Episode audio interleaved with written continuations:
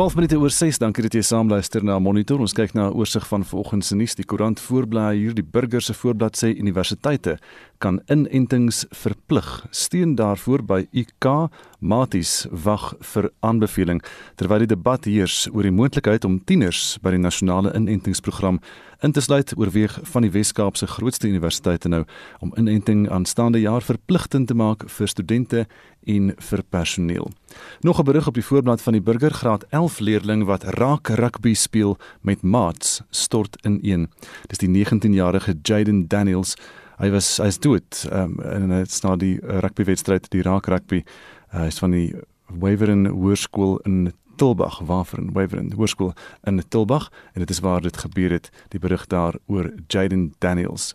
Hier's 'n mooi foto op die voorblad van die burger na daardie drama in Kaapstad uh, eergister met die baba Henku 24 uur na kapingsdrama en daar is Henku. Henku dan baie gelukkig, onbewus van wat met hom gebeur het eh, op die skoot van familielid kaptein Adri Lamprecht op die voorblad van die burger. Beeld in die noorde van die land, seuns net besig om seuns te wees. Dit is 'n seun wat sy bekken gebreek het by die skool, ouers nie kwaad oor ongeluk met band Dit het gebeur by die hoërskool Dr. E.G. Jansen in Boksburg. Tristan Jansen van Vuren, die reuse trekkerband het op hom geval toe hy en sy maats besig was om daarmee te speel dan by die skool. Ook 'n berig wat sê Kanadese egpaar geld trougeld vir vleis vir SA kinders en dis interessant. Dit is die egpaar, hulle name is Ben en Anneke Lovegrove. Dis hulle van. Dis 'n goeie van vir 'n egpaar wat nou sopas getrou het. Lovegrove. Hulle het vleis geskenk aan twee kinderhuise en dan twee slaghuise ook so ondersteun. 300 kg se voorraad verpakte vleis gaan dan afgelewer word by die Jacaranda en die Louis Botha kinderhuis in Pretoria. Uh, te danke aan die Kanadese, die Lovegroves. Die digitale voorblad van Volksblad vandag afskeid van nederige taalreus Jaap Steyn se lewe nou 'n volsin. Dis 'n interessante manier om dit te sê. Ehm um, kollegas en geliefde bring die laaste eer by die NG gemeente Heuwelkruin in Bloemfontein vir die 83-jarige Jaap Steyn en uh, van sy besittings is daar uitgestel by die kerk ehm um, sy outobiografie Sonkyker, sy biografie oor NP van Wyk Lou en dan sy sakboekie en pen in die laaste uitgawe van die gedrukte Volksblad met sy vergrootglas daarop.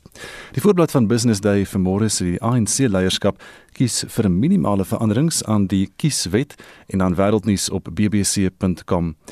Daar is 'n groot bekleierery onder die Taliban. Hulle het skaars oorgeneem en hulle beklei by mekaar daar by die presidensiële paleis in Kabul.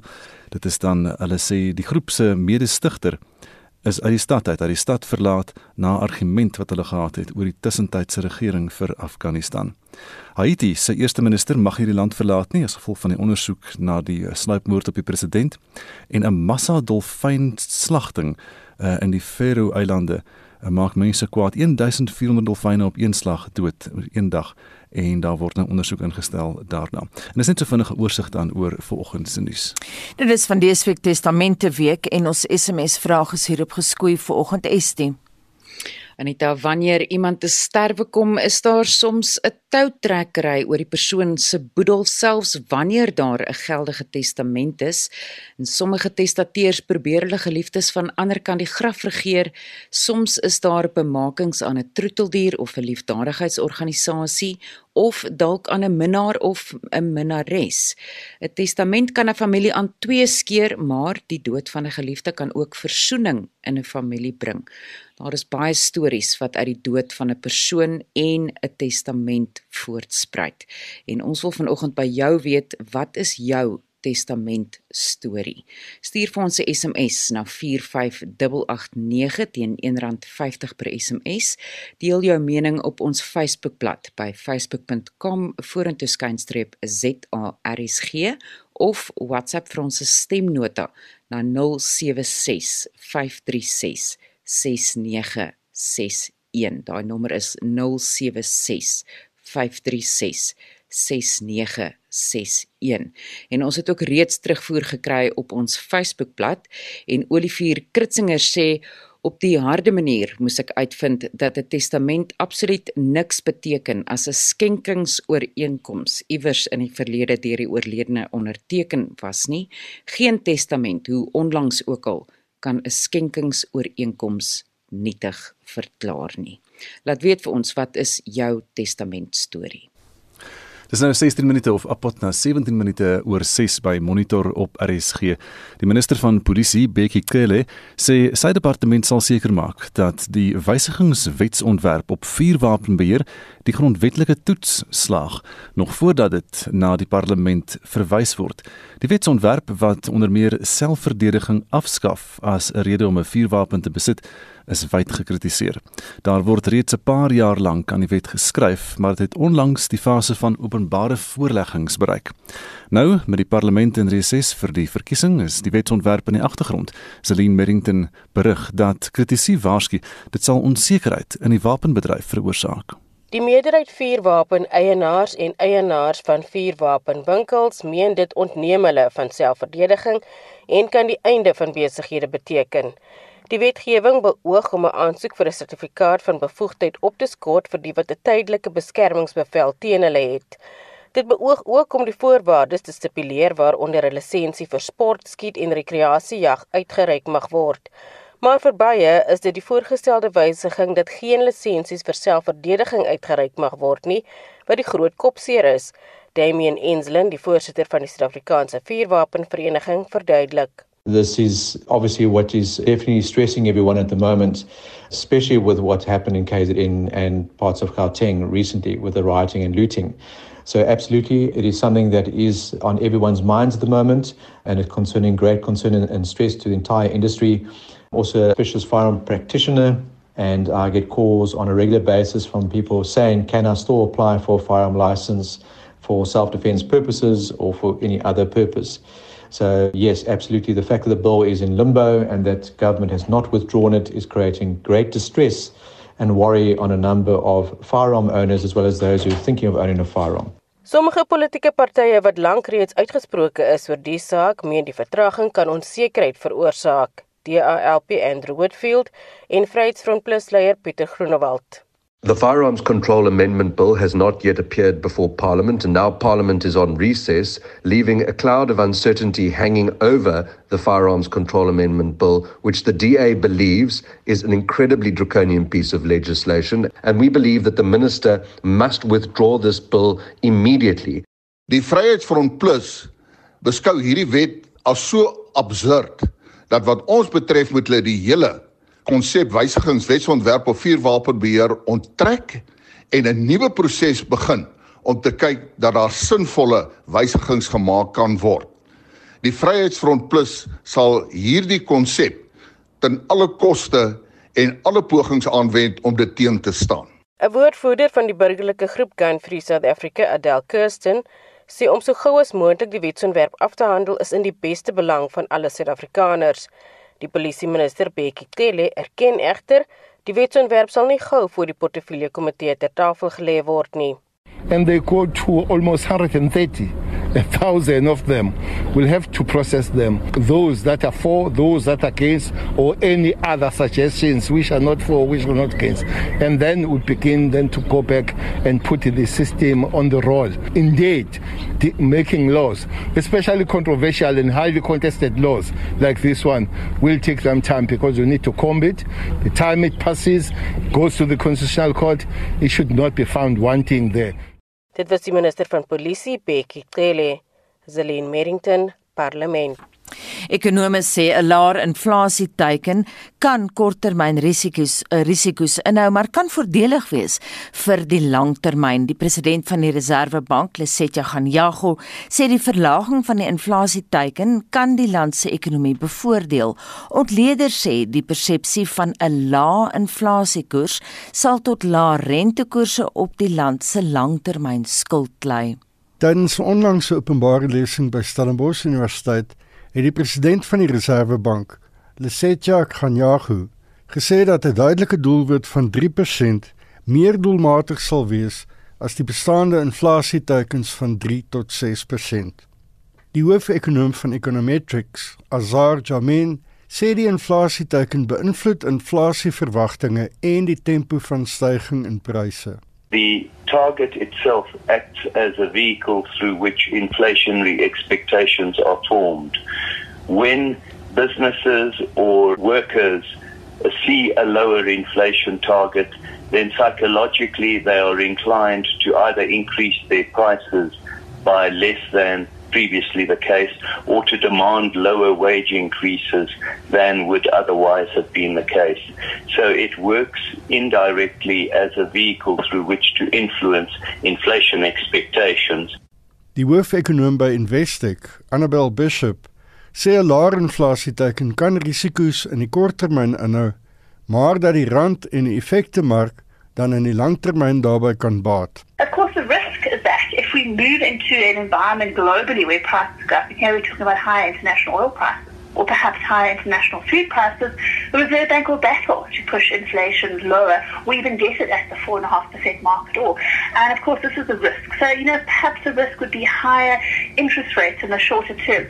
But in the longer term, there's an expectation if we do manage to consolidate our inflation rate around either 2 or 3%, then we could actually see less pressure on the rand from a long-term perspective to depreciate. And of course, that could mean a more modest inflation environment as well. Dit was die hoofekonoom by Investec, Annabel Bishop, wat daardie verslag van Naledi Ngobu van ons finansiële redaksie afgesluit het. Ek is Hendrik Martin vir SAK nuus. Nou, ons bly by die onderwerp en ons praat volgende hier oor met die adjunkdirekteur van die Buro vir Ekonomiese Onderzoek in Stellenbosch en is uh, George Kersoff. George, goeiemôre. Gustav. Wat beteken hierdie enkele inflasieteken? Ja, die ehm um, president van die Reservebank het gesê dit is sy wens. Die teken self word deur die minister van Finansies bepaal en hy het nou nog self um, besig om sy voete te vind so die saak moet nou nog geopper word. Maar soos die vorige insetsels gesê het, um, dit het 'n voordeel in as inflasie as ons inflasie kan afbring van sê maar uh, 5% na 3% en ons kan dit doen deur inflasieverwagtinge te verminder sonder dat ons die rentekoers hoef te ver, verhoog dan beteken dit die samelewing in totaal wen daardeur.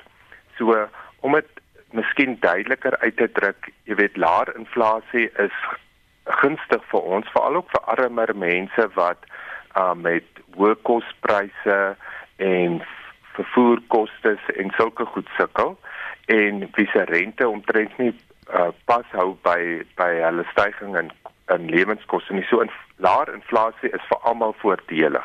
Maar hoe kry 'n mens dit? En die gewoonlik die manier is om die rentekoers te verhoog. Um maar hierdie manier is om te sê nee, as almal verwag dat inflasie gaan laer wees, dan um kan ons dit bereik sonder dat ons die rentekoers hoef te verhoog. So dit is die meganisme waar dit nou werk of dit in die praktyk so kan uitwerk natuurlik dit is anderster ons sien ons is op die oomblik heel gelukkig in Suid-Afrika want inflasieverwagtinge bly laag en die inflasie self bly laag ten spyte van ongekende stygings in in in sekere pryse omdat daar pro probleme is met die die hele eh, leweringsketting. En ons is in die voordeel want um lande soos Brasilië en Rusland moes al in hierdie tyd rentekoerse verhoog het om dieselfde situasie te hanteer. En ons in Suid-Afrika omdat inflasie verwagtinge in beheer is het gesê dis tydelik so ons hoef nie die rentekoers te verhoog nie. Jy sê dit is goed vir almal om lae inflasie te hê. Is daar nadele daaraan verbonde? Is dit nie goed vir 'n ontwikkelende land om dan so 'n bietjie van 'n inflasiekoers te hê nie? Ja, ons praat nou regtig van 3%, so dit is eintlik um nog steeds um nie dieselfde probleem as wat lande soos die Europese Unie of die VSA gehad het of Japan het waar daar omtrent geen inflasie is nie. Maar so dit is um die die die mense wat wen deur hoë inflasie natuurlik is is as jy skuld gemaak het en die rentekoers om een of ander rede is omtrent net net um bo die inflasiekoers of gelyk daaraan dan verminder die waarde van jou skuld vinnig oor tyd. Uh maar ons weet dit is nie 'n volhoubare manier nie. Ons het dit gesien in die 1980s in Suid-Afrika. Ons weet ook uit die voorbeeld van ander lande. So dan pak jy eintlik die mense wat skuld het. Um hulle las word dan op die mense wat spaargeld het ge, ge, geplaas en dit daai verdelingseffek is onregverdig. So ehm um, eintlik is daar niemand wat regtig wen uit uit uit hoër inflasie. Jy het nou gehoor ons bydra daaroor hierdie inflasie teiken. Interessant wat wat eh, Jamin gesê het in die bydra oor die sielkundige dimensie. Stem jy saam dat dit 'n rol speel die sielkundige dimensie? Definitief. So dit is wat ek ook probeer sê het oor oor die feit dat as ons almal dink, um inflasie gaan laer wees. So werkgee werknemers, vakbonde dink inflasie gaan 3% wees, so hulle eis net lone van effens bo 3% of sal dit aanvaar. Nou onderhandeling is nou weer 'n ander storie, maar op die ou end waar hulle op ooreenkom is net so bietjie oor die 3%. Werkgewers wat hulle pryse moet aanpas, hulle dink ook 3%. Huishoudings met hulle inkomste of die rentekoers wat hulle verwag is almal 3%. So dit is eintlik die voordeel wat dit het. En as almal dit dink, dan wen ons sonder dat ons mense nou moet keer. Die groot uitdaging in Suid-Afrika is twee dinge. Dit is die pryse wat ehm um, jy weet die groot uh soos munisipale water en elektrisiteit. So dit is staatsondernemings. Ons noem dit administratiewe pryse en hulle sal definitief hulle moet verbind tot hierdie laer ehm um, uh pryse. En dan um en via die ander ding wat Isabel uh, uh Annabel Bishop gesê het oor die fiskale kwessie is een daai geld word op die langtermyn staatseffekte en markte geleen en dan moet ons ons fiskale huise in orde kry sodat daai langtermyn rentekoers ook afkom.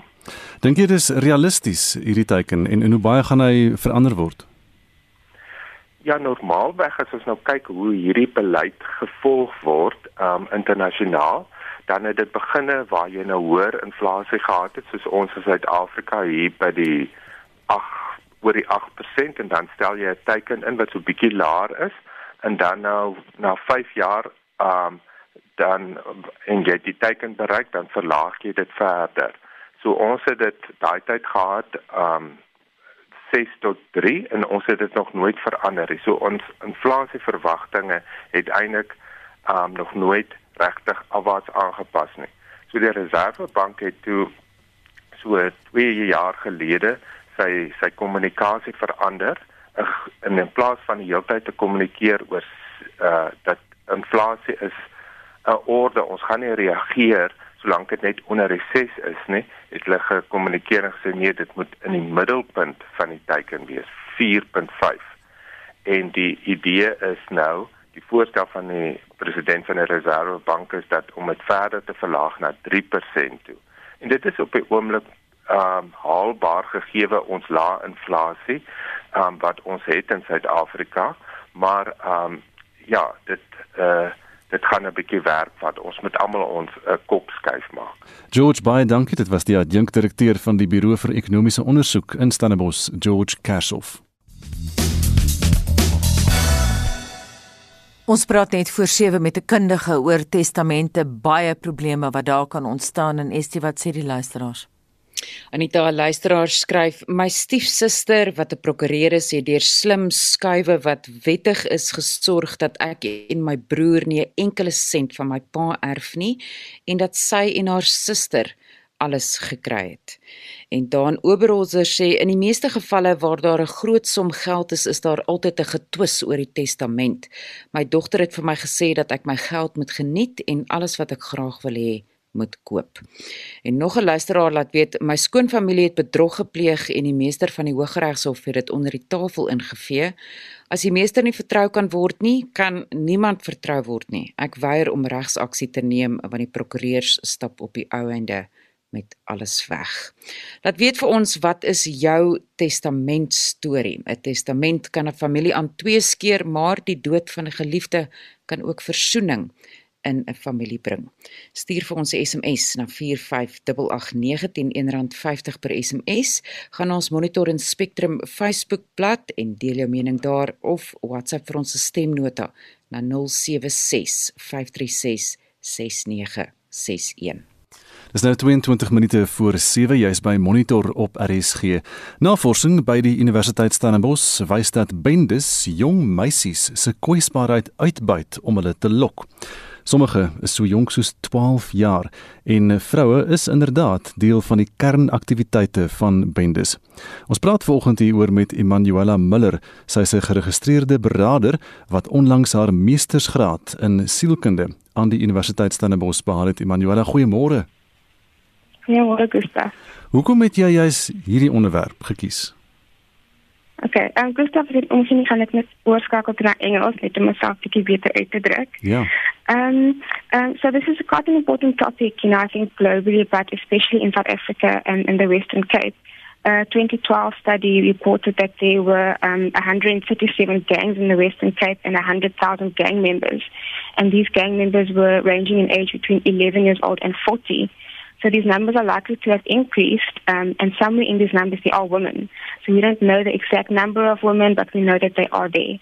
And when we're looking particularly at the research, um, there is quite a big gap in the literature in research that is focusing specifically on women in gangs. So this research was a response to this, this need in beginning to understand why women join gangs, how they join gangs, and how we can respond appropriately to this. En hoe het jy nou hierdie navorsing gedoen? Mm. So this research um, study formed part of an existing project that was working with women who had been involved in gangs. And um, this was a qualitative study. So I approached some of these women to take part in the study. I conducted individual interviews with them. These were eight women that had been involved in gangs to differing extent. Um, seven out of eight of them were mothers and all had histories of substance abuse.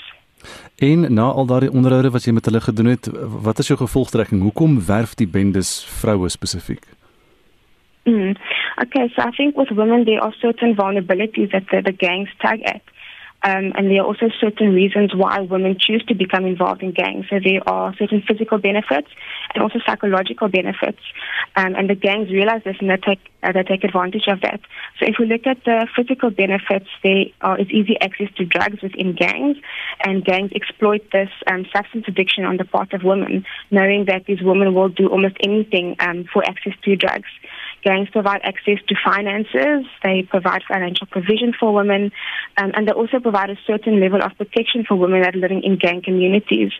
Um, if you look at the psychological benefits, a lot of these women are growing up in homes where there are no fathers present, so they are looking for that affirmation and that sense of belonging, and the gangs provide that for them. En is, is watter rolle speel die vrou dan in die bende? Want uh, wat anders is as die man se rol in die bende? Mm, okay. So I think, you know, unfortunately, because of a woman's sexuality, there are certain things that they can do in a gang that, that men can't, and they take advantage of women's sexuality. Um, so they, unfortunately, one of the big roles is that they, they are seen as sex providers in gangs, and they are taken advantage of sexually, um, not only by their romantic partners that are in the gangs, but by all members in the gang. They are also um, used as what they call trap girls, so they, they, they seduce um, male gang members from rival gangs, and this is done in order to get access to these male gang members in order to, to, to kill them. Um, they are also used as spies and informants. So, for example, if they have a boyfriend that is living or that is inside a prison, they are the ones that are giving outside information.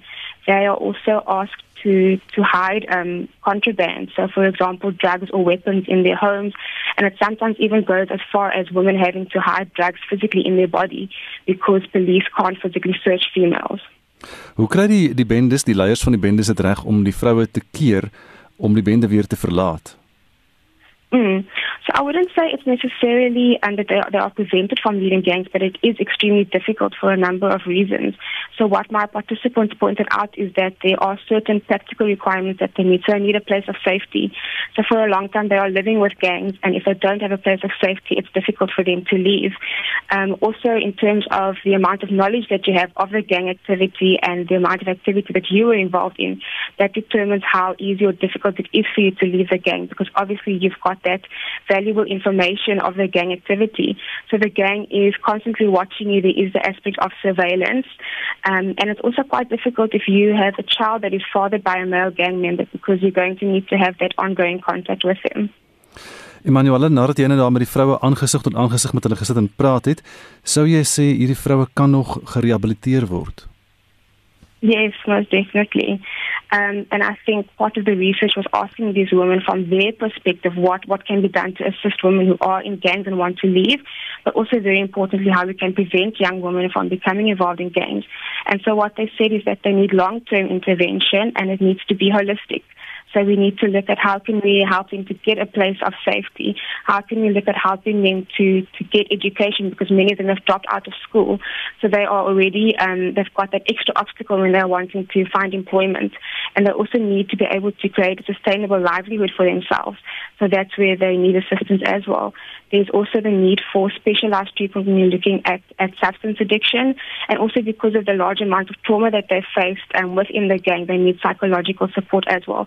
So they need long-term intervention and, and holistic intervention. And with that, it's definitely possible for them to be rehabilitated. Is daar in hierdie stadium organisasies wat hierdie soort van rehabilitasie sal kan doen of mee kan help? Yes, so there are um, there are NGOs that are currently involved in, in these projects um, in the Western Cape. Um, and I think what's important is for collaboration to happen between these organizations because they all have different areas that they are focusing on. And when they collaborate, they can make more of an effort in, in assisting these women. Watter uitwerking het hierdie vroue in die bendes op kinders en die breë gemeenskap mm. rondom hulle? Mm, okay. So I think if we're looking at children, um, I think children's development is affected and their experience of, of growing up. They have um, a huge exposure to violence in communities, either witnessing gang violence or being victims of it. Um, there's high levels of trauma in community because of this. And I think also if we look at um, substance addiction in the youth, because of the exposure to substances, this increases that. Um, and there's also increased levels of crime in communities. So it makes communities unsafe spaces for children to grow up in. Um, and then if you look also particularly at, at young people, there is the increased risk of dropping out of school if they become involved in gangs, an increased risk of teenage pregnancy. Um, so it makes it more difficult for women when they want to enter the workforce to do so. And this also contributes to the already high unemployment rate in our country. Emanuela, baie interessante gesprek. Baie dankie. Emanuela Miller is 'n geregistreerde beraader wat onlangs haar meestersgraad in sielkunde aan die Universiteit Stellenbosch behaal het. Hierdie week is Testamente Week en ons praat nou verder daaroor met 'n regskenner professor Birgitte Kuske van die Universiteit van Pretoria en sy waarsku teen mense wat hulle voordoen as kundiges en mense mislei. Goeiemôre Birgitte. Goeiemôre Anita, goeiemôre luisteraars. Gruisame stories wat ons vanoggend gehoor het. Ons het 'n klankgreep van jou gebruik waar jy vertel van die tannie wat opgegrawe is omdat iemand wou hê toetse met op haar brein gedoen word om te sien of sy nie dalk Alzheimer gehad het toe sy haar testament opgestel het nie. En jy weet van die spesifieke saak. Vertel ons daarvan. Ja, Anita, dit is eintlik um, gegeewe feit dat wanneer iemand in 'n familie te sterwe kom, dan kan lede van selfs die voorste families. Jy weet daai keer gesteentes van die Afrikaner adel mm. in geldwolwe verander. En dit lei natuurlik tot geweldige bakleierye en uh, rusies in die families. En mense kan tot uiterstes gaan om eintlik hulle geld op uh, hande op boedelgeld te kry. Ehm um, handtekeninge vervals, testamente vernietig en dan ook natuurlik die nadoodse ondersoeke hou om te bevraagteken of die handelingsbevoegdheid van die testator of die ehm um, sterwende nou eintlik geldig was. Hmm. Wat gebeur as iemand op sy of haar sterfbed lê en dan mondelings sy of haar testament verander? Mondelings, niks teken nie, maar sê wie wat, ek het alles vir Boetie gelos, maar ek los dit nou vir Sussie. Ek wil dit nie meer vir Boetie los nie. Is dit geldig of nie? Anita, 'n testament is slegs 'n testament wat ons erken as dit op skrif gestel is, onderteken is deur die testateur of testatrise in die teenwoordigheid van twee getuies. En dit is belangrik om om daarop te let dat jy nie testament informeel kan wysig nie. Jy kan nie informeel iets byvoeg nie. Jy vereis die formaliteite van die wet in artikel 2 van die wet op testamente alvorens daai dokument of wilsbeskikking gesien kan word as 'n geldige testament. Wat ons wel nou kry is aanlyn stelsels wat jou die geleentheid gee om jou testament aanlyn te maak. Nou die banke lewer dit wel sulke sulke uh, geriewe, maar hulle maak voorsiening daarvoor dat jy die testament moet uitdruk en dit wys uitdruklik daarop waar jy moet onderteken en waar die getuies moet teken.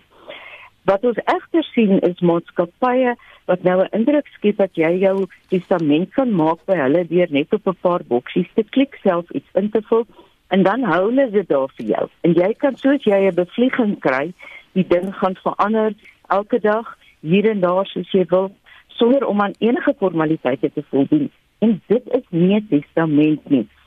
Die rede daarvoor is die wet op elektroniese kommunikasies en transaksies sluit testamente uit van elektroniese dokumentasie. Testamente word nie erken as skriftelike dokumente indien dit aanlyn geskryf word nie of elektronies geskryf word nie. Ek wil terugkom na daai sterfbed toe. Gestel oupa lê nou daar. En hy's te swak om iets te teken, maar hy wil sy testament verander en daar is genoeg getuies. Wat gebeur dan? Anita, mens kan 'n testament teken op verskeie maniere. Jy kan natuurlik net 'n merk maak. Dit is veral belangrik vir ouer mense om kennis te neem dat of kan jy nie meer jou handtekening behoorlik aanbring nie, is dit moontlik om dit met verwyse van 'n merk of selfs 'n duimdruk aan te bring, maar dit moet dan in die teenwoordigheid van 'n notaris, 'n prokureur wat spesifiek 'n notaris ook is, 'n vredesbeampte of dan 'n regter of landdros aangebring word ten einde die testament geldig te maak. Maar die mondelinge aanduidings van wilsbeskikkings is nie geldig nie. Hmm. Dit is nie afdwingbaar nie. Dieselfde met 'n aanlyn um, dokument. Maar wat wel die gebeur is dat persone kan 'n 'n kombinasie van dokumente, papier dokumente en aanlyn dokumente mekaar sit wat kan lei tot die moontlikheid dat 'n hof kan bevind dat alles tesame voldoende is om te bewys dat die identiteit van die erflater die getuie se teenwoordigheid en dis meer voldoende is en dan kan 'n hof dit kondoneer. Maar ons praat hier van uitsonderlike gevalle, duur hof aansoeke voldoende bewyse om by aan die hof voor te lê dat daar wel 'n elektroniese dokument was en dat dit erken moet word as 'n geldige testament. Die oordeel aan die SMS terugvoering wat ons vanoggend kry, lyk dit of mense beklei dat die hare waai. Hoe dikwels word testamente in die hof betwis? Net dat dit nou nie 'n daaglikse gebeurtenis nie, maar elke jaar is daar 'n paar. Ehm um, daar is baie goed wat natuurlik lei tot hierdie dispute. Benewens nou die geldgierigheid. Die woord vrou is byvoorbeeld 'n groot probleem. Mens kry mos nou die eh, die woord vrou tradisioneel, maar dit word ook geïnterpreteer as jou byvrou, jou houvrou, jou ou ou vrou, jy weet jou eksvrou. So die woord vrou kan selfs ook 'n groot drama veroorsaak in in verhoudings of families waar daar verskeie verhoudings is tussen persone. En, en gelukkig het ons nou onlangs of uitspraak gehad in die saak Musa versus the Master waar die woord ehm um, gade nou uitgebrei is ook na saamwoonverhoudings. Soos wat dit uitgebrei is na selfde geslag huwelike en uh, gebruikelike verhuwelike word dit nou ook tot 'n mate erken vir saamwoonverhoudings maar dan moet daar 'n permanentie wees dan moet ehm um, gesamentlike bydrae tot die ehm um, huishouding wees miskien kinders wat gesamentlik ehm um, in die wêreld ingebring is so dit is alles voorvereistes om 'n saambly verhouding is 'n relatief permanente verhouding te erken vir doeleindes van 'n testament. Ehm um, dan het ons nou ook, jy weet, baie maklik die situasie wat ons met baie aftreeorde en versorgingseenhede wat nou oral opspruit te maak het waar persone testamente het, ewestigtelik goed aan die uh, uh, familie nalaat. En dan in die versorgingseenheid 'n skielike vriendskap, 'n diep vriendskapsband met die buurman hier langsaan of moontlik dan met 'n verpleegster of 'n verpleer aangaan en dan daai testament verander hier op die ou dag. En dan uh, as dit nou by die afsterwe kom is die familie natuurlik hoog onthut dat hulle niks erg nie maar dat iemand anders wat hulle glad nie ken nie maar wat wel op die ou dag vir iemand iets beteken het. Hmm. Ehm um, die hele boedel erf. En natuurlik in daai gevalle is word dan die um, handelingsbevoegdheid bevraagteken van die testateur of testatrice. 'n Luisteraar het nou vanoggend verwys na 'n skenkingsooreenkoms wat die testamentkaarte lelik de mekaar kan krap. Ek weet nie presies wat hy bedoel daarmee nie. Weet jy daarvan? Ehm um, nee, kyk jy kan maar jou goed skenk solank as wat jy leef.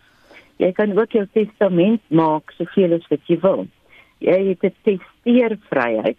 En 'n testeervryheid beteken dat jy te enige tyd jou testament kan wysig tot en met jy sterf. Wat jy egter nie kan wysig nie, is byvoorbeeld iets wat jy in 'n huweliksvoorwaarde kontrak voor jou huwelik wat jy voor jou huwelik gesluit het, bepaal dat daar sekere ehm um, verdelings moet wees by jou afsterwe. Dit oortref dan 'n testament wat op 'n later uh, tyd gemaak is. Maar as jy 'n testament byvoorbeeld jou een juweelstuk bemaak het aan jou niggie, dan staan dit jou vry om daai juweelstuk te koop. Ag, dit verkoop net soos wat jy wil. Ehm um, dit hoef nie omdat dit nou in 'n testament geskryf is, ehm um, onverkoopbaar of onhandelbaar te word nie. Ehm um, dit is slegs by jou afsterwe wat daai reg tot daai juweelstuk vestig. En as jy dit nie meer het nie, dit is nie meer in jou boedel nie, dan hmm. dan is dit nou maar soos dit is. Nou met nigie maar kwaad wees. Ek verstaan 'n algemene gebrek is dat begunstigdes dikwels ook getuies van 'n testament is en dit mag nie gebeur nie, reg? Ja, ja. Getuies kan nie begunstigdes wees nie. Mens kan natuurlik nou sien hoe kan die ding nou ehm um, die die bevestiging van die handtekening 'n bietjie affekteer dat testamente makliker vervals kan word. Ehm um, so ons is baie versigtig oor wie die getuies van 'n testament moet wees. Dit moet persone wees uh, wat ouer as 14 jaar is en verkieslik onafhanklik natuurlik. 'n Persoon ouer as 16 jaar kan sy eie testament maak. Ek kan dit met die hand skryf. Daar is wel 'n uh, webwerwe wat vir jou goeie aanduiding gee van hoe dit werk, maar dit is baie beter om te gaan na 'n gekwalifiseerde prokureur, ouditeur of 'n makelaar wat gereeld hiermee werk. Wat ek net wel gou wil noem is in die COVID-19 tyd wat ons nou almal in in in ons huise moes bly, het mense meer en meer testamente gemaak omdat hulle nader aan die dood gekom het as wat hulle nog ooit was miskien. En dan is daar dalk nie getuies teenwoordig behalwe familielede nie. Maar um, dit is heeltemal in orde dat 'n familielid teken, solank dit nie die enigste erfgenaam byvoorbeeld is dit is nou nie die beste praktyke nie. So ek dink nie sou eintlik jy weet jy oor die muur kon skree dat jou buurman gaan gaan net die dokument wat jy dan uh gesaniteer het teken en andersom. In Nieu-Seeland het hulle vinnige wetwysiging weer gedruk dat 'n visuele bevestiging van 'n handtekening wat op 'n dokument aangebring word wel geldig sal wees. Dat 'n mens byvoorbeeld op 'n Zoom of 'n Teams meeting op daai platform um, 'n getuie sou hê wat kon dophou elektronies hoe 'n handtekening op 'n testament aangebring word en dan dit aan sy kant op skrif stel, natuurlik dit opneem en dit sou in Nieu-Seeland dan voldoende gewees het. Wat van gesamentlike testamente? Dit skep baie keer probleme. Ek praat nou van mense waarvan ek weet. Ja, Anita, as as twee eggenotes 'n gesamentlike testament maak, dit beteken hulle testament is altyd in een dokument vervat. Dan as die eerstervende oorlede is, kan die langslewende nie meer daardie testament verander nie. Die langslewende is dan gebonde aan daardie testament. So mens moet mooi fokus oor wat jy wil hê in die lewe en altyd dink oor wat gebeur as iets met jou sou sou gebeur of jy te sterwe sou kom. Wat wat is wat is wat jy wil hê moet gebeur? Mm. Maak dan seker dat jou laaste wilsbeskikking behoorlik aan die formaliteite voldoen. Signed, sealed and delivered, hulle sê in Engels, en meer as een kopie is altyd veilig. Laasens, wanneer is 'n testament nietig? Wat moet luisteraars nie doen nie? Die, die testament is nietig as hy nie op skrif is op 'n stuk harde papier en dit getuies om nie geteken het nie. Daar moet ook geteken word langs elke wysiging of invoeging en dan voluit aan die einde van die dokument.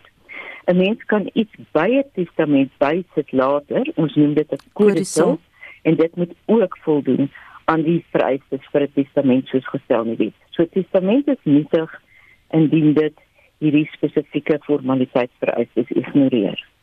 Baie dankie en daai raad kom van professor Birgitte Kuske, regskenner verbonde aan die Universiteit van Pretoria.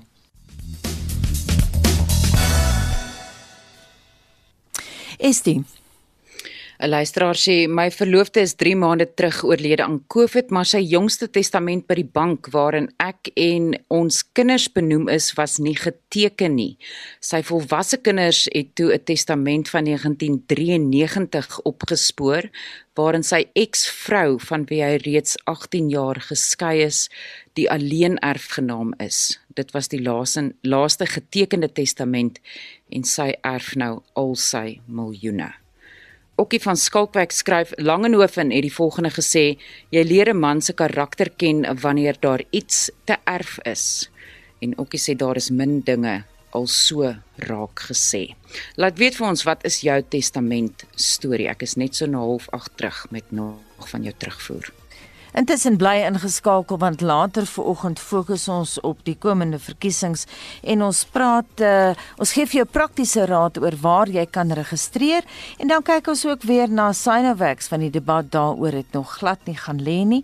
En uh, dan kyk ons ook oor uh, na die inflasie waarna ons verwys het vroeër in die program. Alles goeie redes om ingeskakel te bly by RC en dit bring ons by die 7 uur nuus